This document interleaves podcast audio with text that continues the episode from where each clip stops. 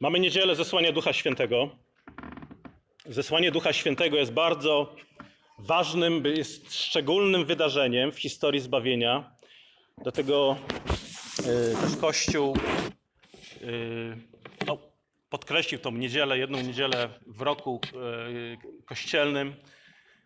E, Kiedy wspominamy, właściwie każdą, w każdą niedzielę przychodzimy w Duchu Świętym przed Boże oblicze. Dzisiaj powiemy troszkę więcej na temat znaczenia zstąpienia Ducha Świętego, a szczególnie skoncentrujemy się na y, manifestacji obecności Ducha Świętego w Dniu Pięćdziesiątnicy w postaci języków ognia, a jeszcze bardziej szczególnie, czy szczególnie w, w postaci daru mówienia językami. I przeczytamy na początek y, kazania fragment z dziejów apostolskich, drugi rozdział, od szóstego wersetu. Dzieje, drugi rozdział i szósty werset. Gdy więc powstał ten szum, zgromadził się tłum i zatrwożył się, bo każdy słyszał ich mówiących w swoim języku. I zdumieli się i dziwili, mówiąc, czyż oto wszyscy ci, którzy mówią, nie są Galilejczykami? Jakże więc to jest, że słyszymy każdy z nas swój własny język, w którym urodziliśmy się? Partowie, Medowie i Elamici, i mieszkańcy Mezopotamii, Judei, Kapadocji, Pontu i Azji, Frygii, Pamfilii, Egiptu i części Libii, położonej obok Cyreny i przychodnie rzymscy, zarówno Żydzi, jak i prozelici, Kreteńczycy i Arabowie. Wszyscy słyszymy ich, jak w naszych językach głoszą wielkie dzieła Boże.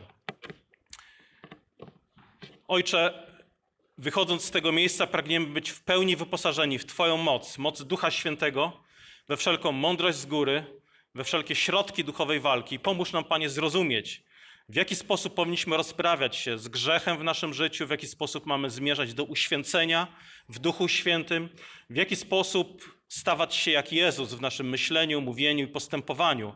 Wzmocnij nas teraz, Panie, naszą wiarę, zachętą Twojego słowa, abyśmy byli święci, abyśmy byli użyteczni w Twoim królestwie, abyśmy z dnia na dzień stawali się coraz bardziej pod, podobni do Jezusa, kochając Ciebie i naszych bliźnich. Amen.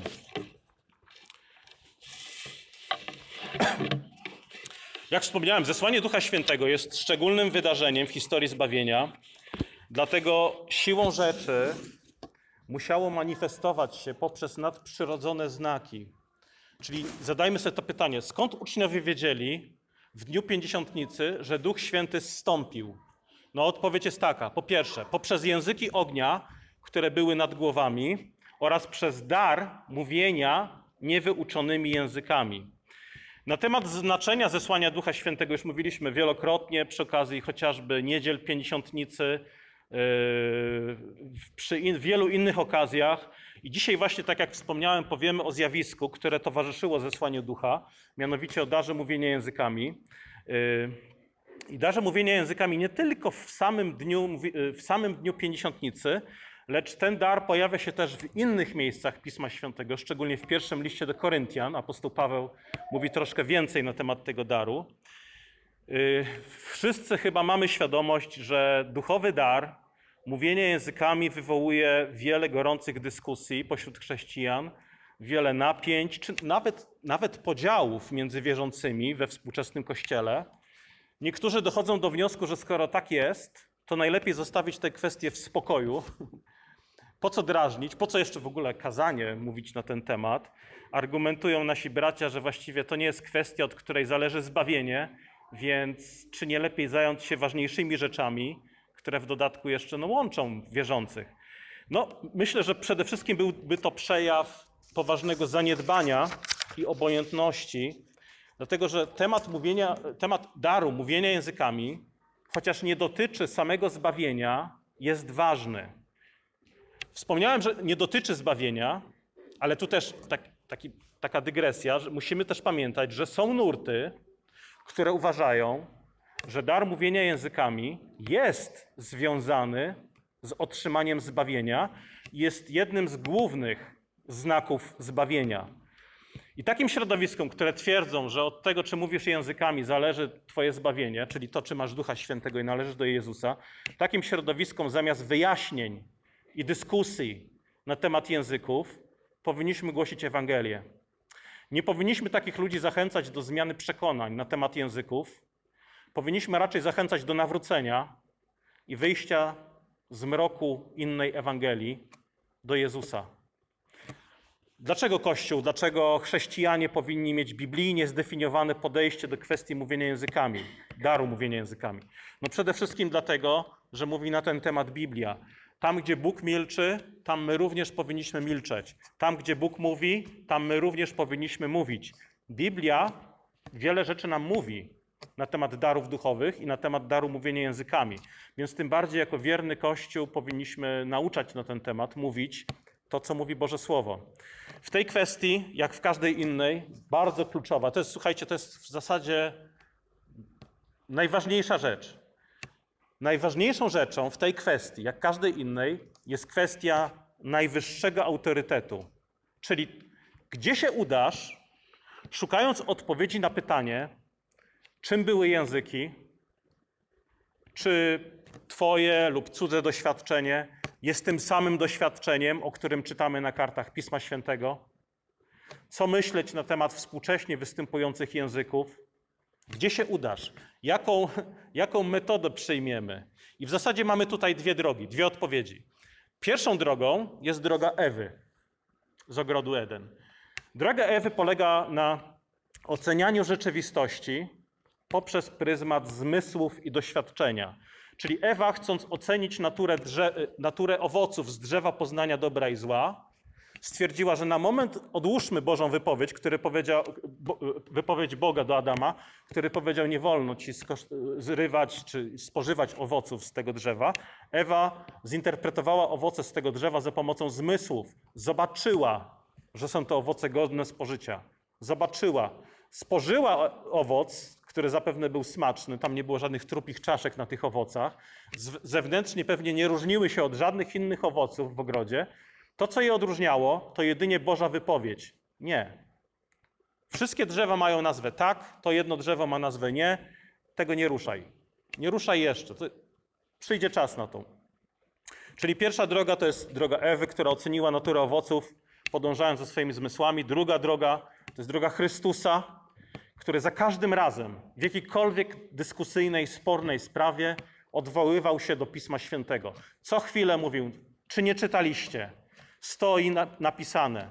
Czy nie pamiętacie, co Mojżesz mówił? Czy nie czytaliście, co Dawid mówił w psalmach? Róbcie to, co mówił Abraham i tak dalej. Cały czas odwoływa, odwoływał się do Pisma Świętego. I słuchajcie, wiele pytań i napięć związanych z mówieniem językami naprawdę zniknęłoby, gdybyśmy odwołali się po pierwsze do właściwego autorytetu, Pismo Święte, a nie do własnych zmysłów i własnego doświadczenia. Gdybyśmy pozwolili Biblii zinterpretować własne czy cudze doświadczenie. I druga rzecz, wiele problemów zniknęłoby, gdybyśmy właściwie zdefiniowali, czym były biblijne języki. Czym był dar, biblijny dar mówienia językami.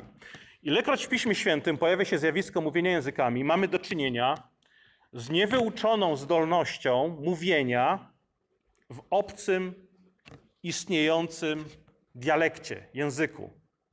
To jest nadprzyrodzony dar Ducha Świętego, który podczas publicznych zgromadzeń Kościoła mógł być używany wyłącznie, jeżeli była osoba, która miała dar, znowu nadprzyrodzony dar, tu nie chodziło o tłumacza, który skończył lingwistykę, miała nadprzyrodzony dar tłumaczenia języków. 1 Koryntian 14, 27.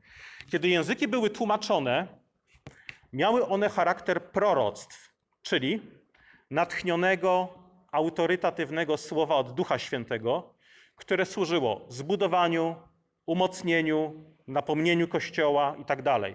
Czyli powinniśmy tutaj zauważyć na dzień dobry, że języki były dialektem narodów, plemion, ludów, które się nim posługiwały. I o tym czytamy właśnie w tym tekście, od którego dzisiaj zaczęliśmy. Tekście, który mówi o dniu zesłania Ducha Świętego, w dniu Pięćdziesiątnicy. I czytamy, że ludzie zaczęli mówić językami i oto Żydzi zaczęli się dziwić. Przecież to są Galilejczycy. To jakże oni mogą mówić, jeden mówi tutaj w języku Medów, Pa- Partów, Elamitów, mieszkańców Mezopotamii, Kapadocji, Pontu, Azji, Fry... Zobaczcie, wymieniali istniejące plemiona, narody ziemi i słyszeli, jak mój, mój przyjaciel, sąsiad yy, zaczyna mówić tym językiem. Czyli to, co się działo w Dniu Pięćdziesiątnicy, nie było wydawaniem niezrozumiałych, nieskładnych dźwięków, które w żaden sposób nie układają się w struktury gramatyczne. To były języki ludów i narodów.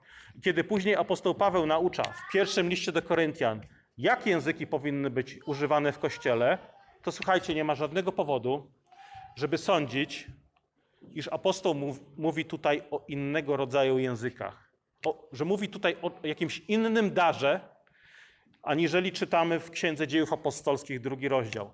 Czyli języki w liście do Koryntian to są właśnie te języki, które widzimy w dziejach apostolskich. Języki istniejących ludów, plemion i narodów ziemi.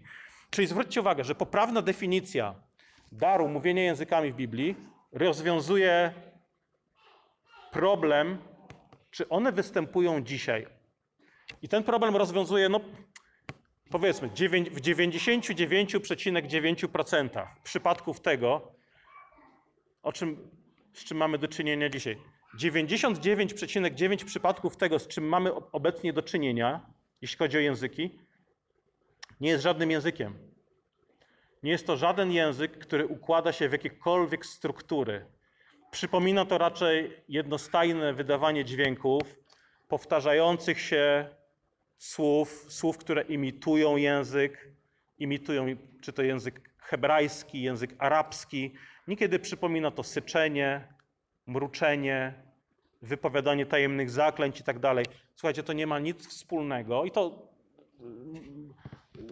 to mówię nie tylko z perspektywy Biblii, to też lingwi, lingwiści yy, zajmowali się badaniem tego tematu. Nie ma to nic wspólnego z jakimkolwiek dialektem, który poddaje się strukturom gramatycznym.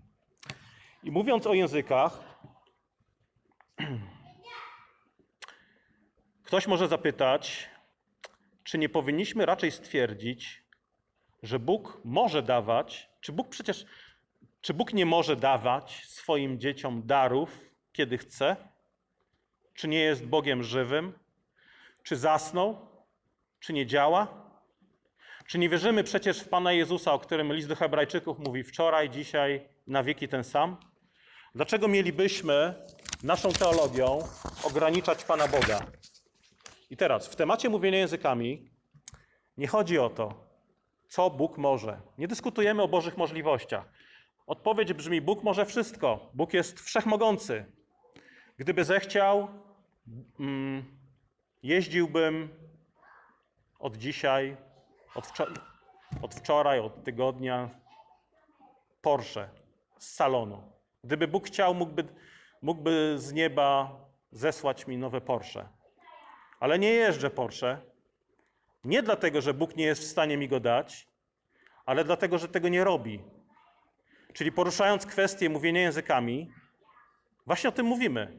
Nie dyskutujemy o Bożych możliwościach. Czy Bóg nie może mi dać języków? Na przykład takie. Czy Bóg nie może dzisiaj Kościołowi dawać języków?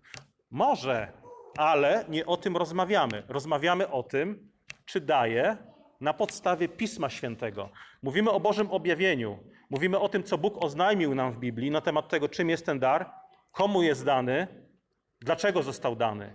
Także musimy y, tutaj zostawić ludzkie spekulacje o Bożych możliwościach i udać się do Bożego Słowa.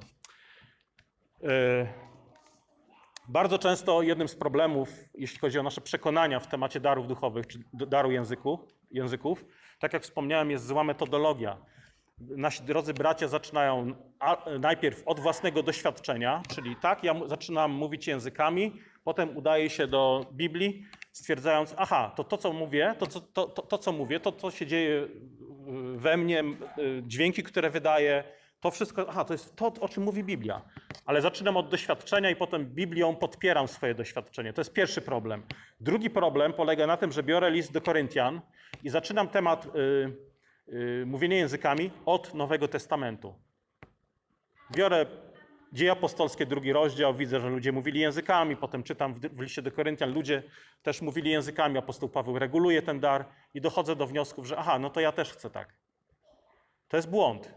Dlatego, że pierwszy musimy zacząć od Biblii, musimy zacząć od Księgi Rodzaju, musimy zacząć od początku. I pierwszym wydarzeniem, w którym pojawiają się języki, jest, każde dziecko to wie, budowa wieży Babel. E, Wieża Babel była pomnikiem zjednoczonej ludzkości, który w zamiarach budowniczych, ta wieża, mia- ona miała y, sięgnąć nieba. To, Babel to był symbol buntu względem Bożego nakazu rozproszenia, objęcia ziemi w posiadanie i panowania nad ziemią. I Bożą reakcją było pomieszanie ludziom języków, tak iż nie byli w stanie się wzajemnie komunikować i skończyć budowy. Czyli języki, pomieszanie języków było znakiem sądu Bożego, który ostatecznie doprowadził do tego, że i tak Bóg osiągnął swój cel, czyli ludzie się rozproszyli po ziemi. I teraz dar języków w Dniu Pięćdziesiątnicy jest dokładnym odwróceniem tego, o czym czytamy, czytamy y, jeśli chodzi o, o sąd pod wieżą Babel. Języki narodów po wylaniu Ducha Świętego oznaczały zjednoczenie Żydów i wszystkich pogan i narodów ziemi w jednym kościele. Bóg poprzez Ducha Świętego jednoczy ludy ziemi wokół Chrystusa i Ewangelii, a nie wokół buntowniczej wieży Babel. Czyli dar mówienia językami był tym Bożym komunikatem, że błogosławieństwo Ewangelii oto rozlewa się pośród wszystkich języków, plemion i narodów, a nie jedynie w jednym narodzie, w Izraelu. Czyli rozproszone ludy wszystkich języków, Bóg odtąd tutaj prowadzi do jednego kościoła. To oznaczała pięćdziesiątnica. Kolejna rzecz. W Starym Przymierzu Bóg miał swój wybrany lud, którym był Izrael. Ilekroć Boży lud odstępował od przykazań, Bóg posyłał proroków, którzy oznajmiali opornemu ludowi, nieposłusznym władcom, skorumpowanym przywódcom religijnym Bożą wolę. I zwykle, kiedy prorok szedł do takiego króla, oznajmiał: Słuchaj, zgrzeszyłeś, odstąpiłeś od Pana, nawróć się, bo inaczej czeka ciebie i Izrael Boży sąd. I prorocy przepowiadali ten Boży sąd w języku zrozumiałym dla wszystkich królów. Mówili po prostu po hebrajsku. Spotykali się jednak z odrzuceniem Bożego poselstwa, często z prześladowaniem, cierpieniem, a nawet śmiercią. I teraz jaka była Boża reakcja? Kiedy jego lud, kiedy Boży lud nie słuchał Bożego głosu, przekazywanego poprzez proroków w zrozumiałym języku, Bóg pobudzał pogańskie narody, aby stały się dla Izraela narzędziem Bożego sądu. I Stary Testament naucza, że niewola egipska, niewola babilońska, najazdy Filistyńczyków, Asyryjczyków były Bożym komunikatem dla Izraela. A brzmiało mniej więcej tak: Skoro nie chcecie słuchać, kiedy mówiłem do was językami, y, ustami proroków po hebrajsku, to teraz przemówię do was w niezrozumiałych dla was, dla was językach pogan, co będzie dla was naprawdę bolesnym doświadczeniem. Będzie sądem, będzie niewolą. Księga Powtórzonego Prawa 28:47, czyli piąta Księga Mojżeszowa 28:47.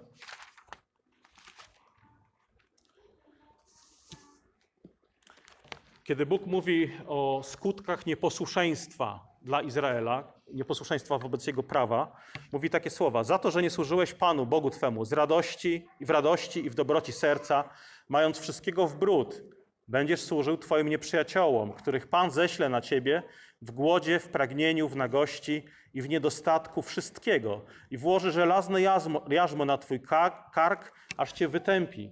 Sprowadzi Pan na Ciebie naród z daleka, z krańca ziemi, jakby orlim lotem, naród, którego języka nie, nie słyszałeś, naród o srogim obliczu, który nie okaże względu starcowi i nad pacholęciem się nie zlituje. Bóg sprowadzi naród z daleka, którego języka nie znasz, i będzie to przejawem Bożego Sądu za to, że nie słuchałeś Pana, kiedy mówił do ciebie w języku zrozumiałym. Podobne słowa mamy w księdze Izajasza za- y, 28:11. Zaiste przez jąkających się i mówiących obcym językiem przemówi Pan do tego ludu. Jako rezultat sądu, kiedy nie słucha, kiedy Izrael nie słucha swoich proroków. Jeremiasza 1:14. Wtedy Pan rzekł do mnie: Z północy leje się nieszczęście na wszystkich mieszkańców kraju. Z północy, czyli Jeremiasz ogłasza sąd nad Izraelem w postaci, y, w postaci y, babilońskiej armii. Y, Jeremiasza 5:15. Oto ja sprowadzę na was, domu Izraela, naród z daleka, mówi znów o Babilonie. Mówi Pan, naród niezwyciężony, naród starodawny, naród, którego języka nie znasz i nie rozumiesz tego, co on mówi. Czyli to była realizacja właśnie tej zapowiedzi z piątej księgi Mojżeszowej, że jeżeli nie będziesz słuchał mojego głosu Izraelu, to sprowadzę do ciebie naród, który do ciebie przemówi w innym języku, którego nie znasz i będzie to dla ciebie przejawem sądu. Czyli zwróćcie uwagę, że na, najazdy obcojęzycznych armii były dla Izraela bardzo czytelnym znakiem Bożego Sądu. Klęska militarna, niewola, bolesne doświadczenia prowadziły później Boży lud do pokuty, do nawrócenia. Owocem nawrócenia była wolność, powrót do swojej ziemi, wszelkie inne Boże błogosławieństwa.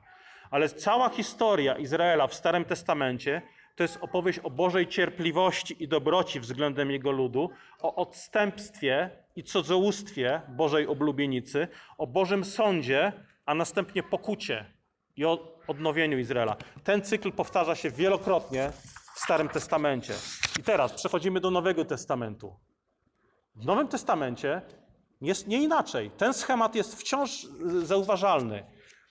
Zobaczcie, największy z proroków, Boży Syn, Bóg objawiony w ciele, Jezus Chrystus, przychodzi do przywódców religijnych i, i robi dokładnie to, co prorocy w Starym Testamencie.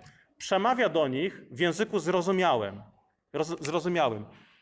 Natomiast oni, wzorem nieposłusznego Izraela, odrzucają go, oskarżają go, niesprawiedliwie osądzają i w końcu mordują. I teraz w, po wylaniu Ducha Świętego zgromadzeni w Jerozolimie, wierzący w zborach złożonych z nawróconych Żydów i nawróconych pogan, oto mówią językami narodów. I komunikat, słuchajcie, jest ten sam dla Izraela. Kiedy Bóg mówi językami narodów, komunikat jest ten sam. Oznacza to, że zbliża się sąd. I ten okres pomiędzy 30 rokiem a 70 rokiem, mniej więcej 30, czyli od, od wylania Ducha Świętego, do 70 był czasem, kiedy Izrael miał rozpoznać ukrzyżowanego Mesjasza, miał pokutować, że wydał na śmierć obiecanego Mesjasza. Bluźnierstwa, które kapłani i uczeni w piśmie wypowiadali przeciwko synowi człowieczemu podczas jego ziemskiej służby, mogły zostać im wybaczone, tak mówi Pan Jezus. Każdy grzech mógł, jest wam, będzie wam wybaczony, nawet grzech przeciwko synowi człowieczemu, gdybyście zwrócili się z żalem i wyznaniem grzechów do Mesjasza. Ale kiedy Izrael odrzucił świadectwo drugiego świadka, tak jak wymagało tego prawo, na zeznaniu dwóch lub trzech świadków będzie każda sprawa oparta. Jeżeli Izrael odrzucił świadectwo najpierw Syna Bożego, a po pięćdziesiątnicy Ducha Świętego, w mocy którego apostołowie głosili Ewangelię, był to grzech, który, który dopełnił Bożego Sądu nad nimi. I to zburzenie Jerozolimy, Jerozoli y, zburzenie świątyni w Jerozolimie przez rzymskie wojska Tytusa, czyli znów pogańskie armie, znów zobaczcie ten sam schemat. Pogańskie wojsko niszczy w 70 roku centrum, kultowe centrum Bożego Ludu. Był to, był to przejaw Bożego, Bożego Sądu. Pan Jezus mówi w Mateusza 21, 43. Dlatego powiadam wam, Królestwo Boże zostanie wam zebrane, mówi to do faryzeuszy, będzie wam zebrane, a dane narodowi, który będzie wydawał jego owoce. I dar mówienia językami w ówczesnym kontekście historycznym był właśnie czytelnym znakiem dla Żydów, że oto Bóg zapowiada sąd i komunikuje to poprzez języki pogańskich narodów. I w taki sposób należy rozumieć słowa z pierwszego listu do Koryntian 14:21, kiedy Paweł apostoł mówi tak: W zakonie napisano, przez ludzi obcego języka i przez usta obcych mówić będę do tego ludu. Czyli zwróćcie uwagę, cytuję to, co mówiliśmy. Cytuję piątą Mojżeszową i cytuję księgę Jeremiasza. Przez ludzi obcego języka i przez usta obcych mówić będę do tego ludu, ale i tak mnie nie usłuchają, mówi Pan. Przeto mówienie językami to znak nie dla wierzących, ale dla niewierzących. A proroctwo nie dla niewierzących, ale dla wierzących języki są znakiem dla niewierzących. Czasami y, można spotkać się z błędną interpretacją tego, słowa, tego, tego wersetu, kiedy niektórzy mówią, aha, czyli języki są znakiem dla niewierzących. Aha, to kiedy my teraz zaczniemy mówić językami i przyjdzie tu jakiś niewierzący człowiek i zobaczy, że my mówimy językami, to to będzie dla niego znakiem, że oto Duch Święty jest pośród nas, że Duch Święty działa i to go przekona, żeby się nawrócił. Tylko, że Paweł nie o tym mówi. Paweł mówi w, y, o kontekście, y, kontekście sądu, że, że, że, że języki są znakiem dla niewierzącego Izraela, który odrzucił Mesjasza. Apostoł nie mówi, że języki są znakiem dla niewierzących w XXI wieku, którzy przychodzą pierwszy raz do kościoła. Języki nie są znakiem dla współczesnych Gdańszczan, Paryżan, one były znakiem dla niewierzącego Izraela, współczesnemu, współczesnego Pawłowi. I komunikat dla Żydów, kiedy słyszeli mówiących językami, był czytelny. A, Bóg mówi językami narodów. A, my wiemy, co to oznacza. My znamy Biblię, my wiemy, co to oznaczało dla Izraela w historii. Nad Izraelem zbliża się sąd. Druga rzecz. Poprzez języki Bóg komunikował Żydom nie tylko sąd, komunikował również, że w Nowym Przymierzu po wylaniu Ducha Świętego nie ma podziału na Żyda i Greka. List do Galacjan 3:28. Nie ma takich podziałów. Żyd, Grek, kobieta, mężczyzna, wolny, niewolny. Bóg mówi językami narodów i rozpoczyna zwycięski pochód Ewangelii w świecie. Królestwo nie jest już ograniczone do jednego narodu. Bóg mówi językami Medów, Persów, Egipcjan, mieszkańców Kapadocji i tak dalej, co oznacza, że jego dzieło i wezwanie dotyczy wszystkich. Drzwi kościoła nie są przed nikim zamknięte. W Nowym Przymierzu nie ma jednego narodu, który byłby uprzywilejowany w Bożych oczach.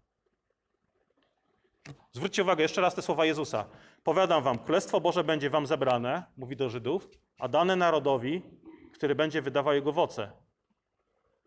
Królestwo nie jest ograniczone do jednego narodu. I ta prawda, ona była na różne sposoby wyrażana podczas służby Jezusa na ziemi.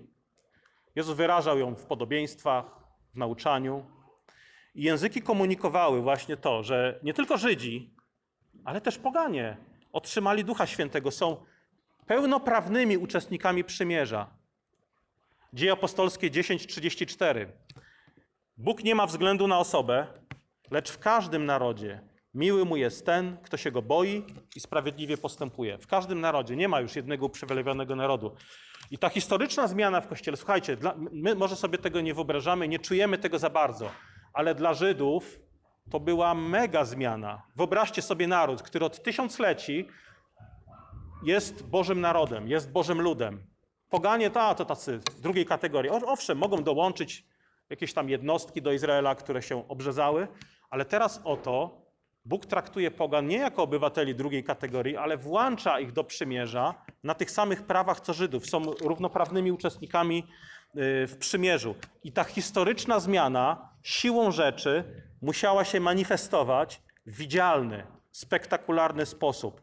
Pomyślcie, kiedy, zwróć, zwróćcie uwagę, kiedy czytacie dzieje apostolskie, nie wiem, czy sobie zadawaliście pytanie, skąd, skąd Piotr, Jan, Filip, Paweł czy inni apostołowie żydowskiego pochodzenia mieli wiedzieć, skąd oni wiedzieli, że Bóg włącza pogan do przymierza i udzielił im Ducha Świętego? No odpowiedź jest prosta. Wiedzieli to poprzez widzialny i zewnętrzny znak.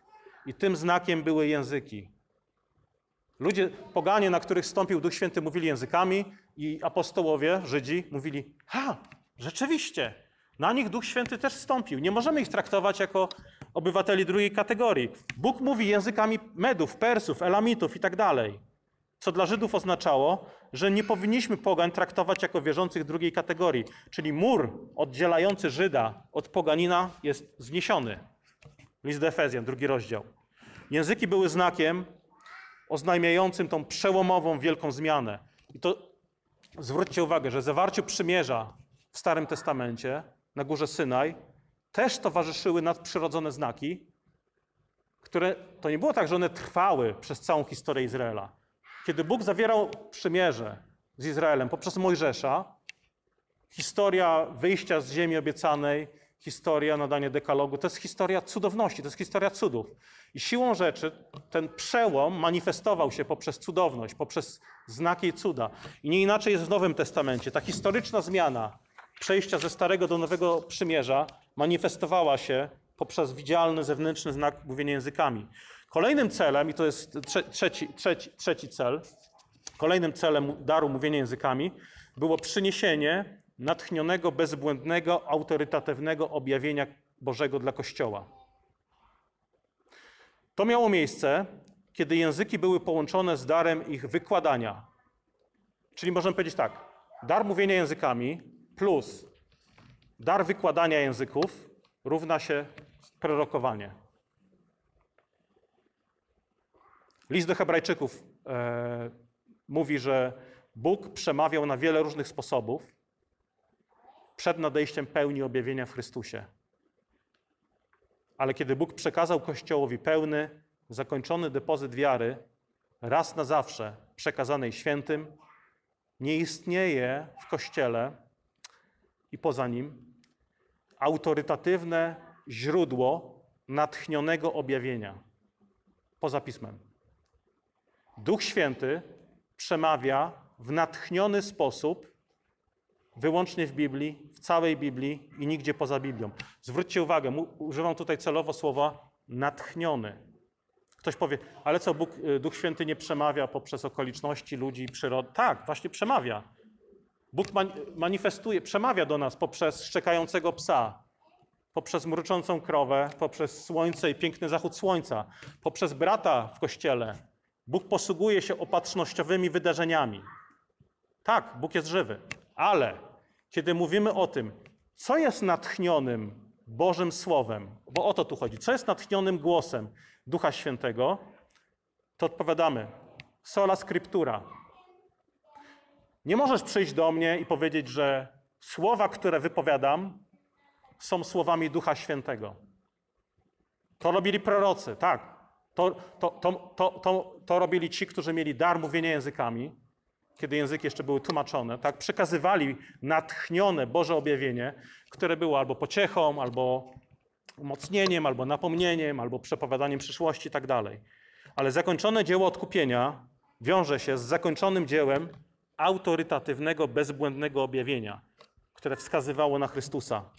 Czyli dar języków wraz z darem ich tłumaczenia służył jako narzędzie przekazywania natchnionego słowa kształtującemu się dopiero temu żydowsko-pogańskiemu kościołowi.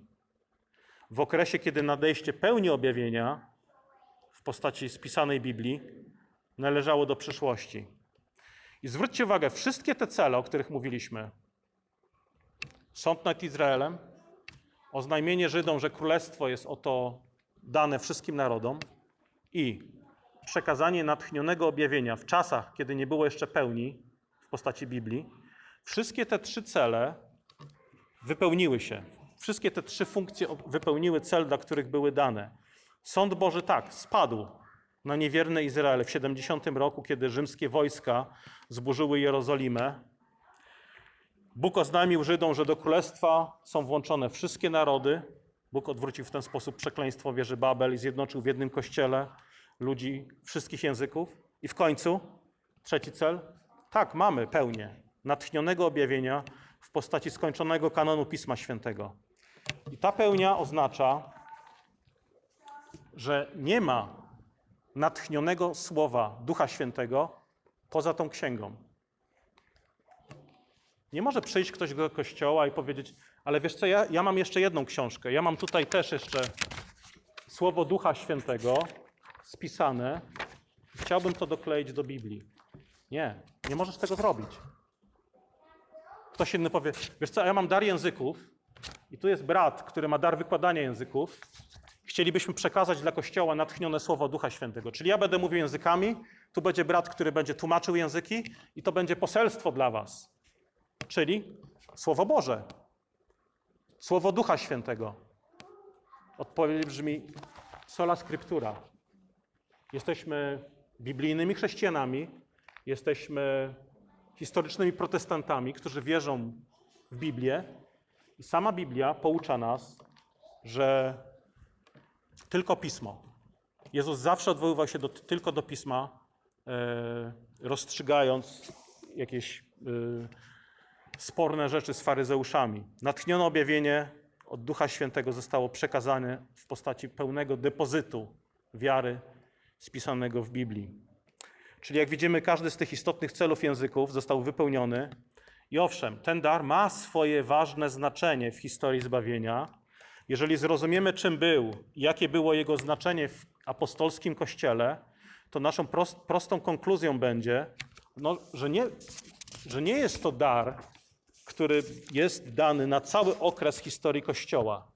Jeżeli ktoś miałby wątpliwości, czy ten dar jest dany na cały okres historii Kościoła, aż do powrotu Jezusa, to zwróćcie uwagę, przez 20 stuleci, przez 2000, no 1900 lat historii Kościoła, czyli od I wieku do 1900 roku, trudno znaleźć jakiekolwiek wzmianki w publicznych dysputach, wyznaniach wiary Kościoła i różnych denominacji chrześcijańskich, jakiekolwiek wzmianki o dyskusji, dylematach związanych z darem mówienia językami.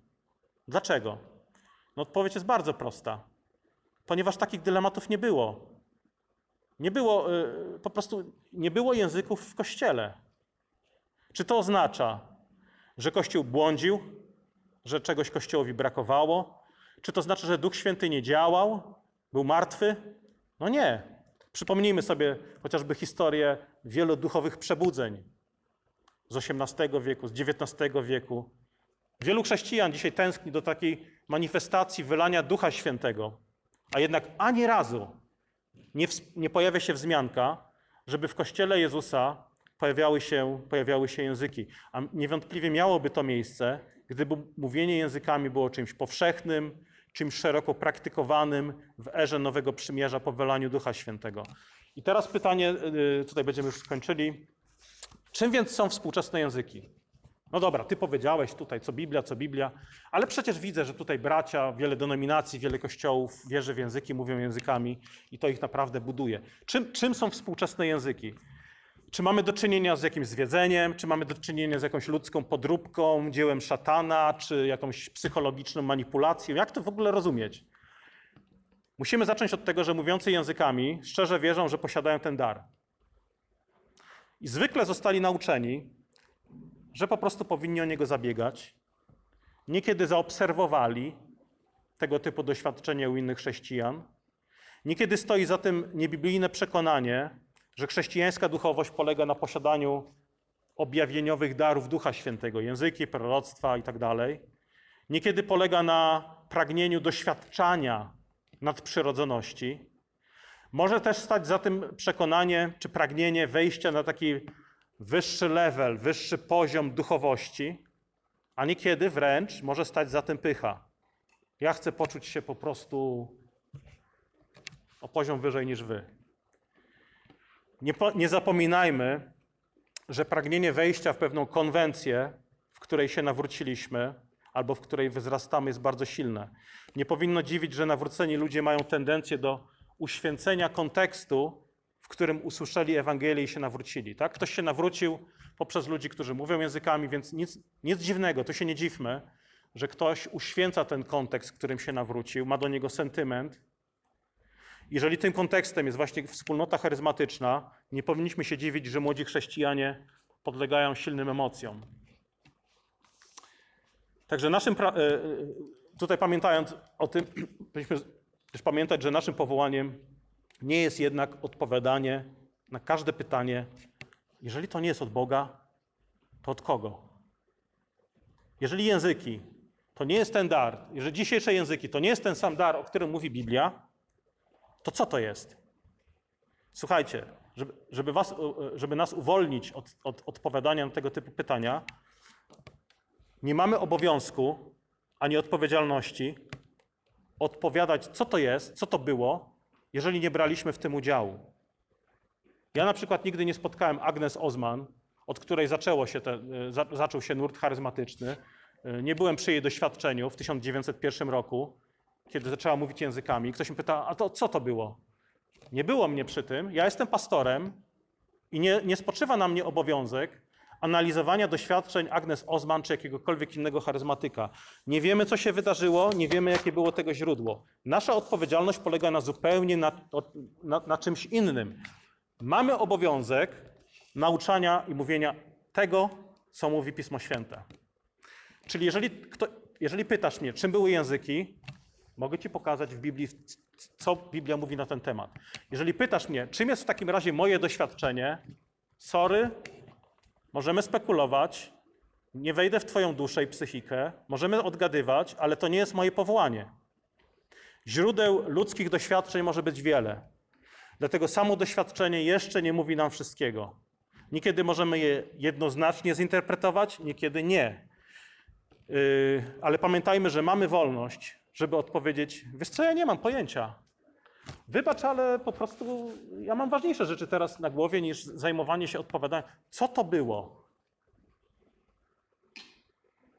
I cokolwiek to było, nie sądzę, że ma to związek z tym, co Pismo Święte mówi. Na przykład, nie musimy je, ja nie muszę jechać do Izraela, nikt z Was nie musi jechać do Izraela, kiedy ktoś opowie Ci historię o sensacyjnie odkrytej czaszce Jezusa. I ktoś mówi: Mam czaszkę Jezusa. Na co ty odpowiadasz? Niemożliwe. Dlaczego niemożliwe? Bo Biblia mówi, że Jezus cieleśnie odszedł do nieba. Na co ten ktoś pyta, to jeżeli to nie jest czaszka Jezusa, to kogo?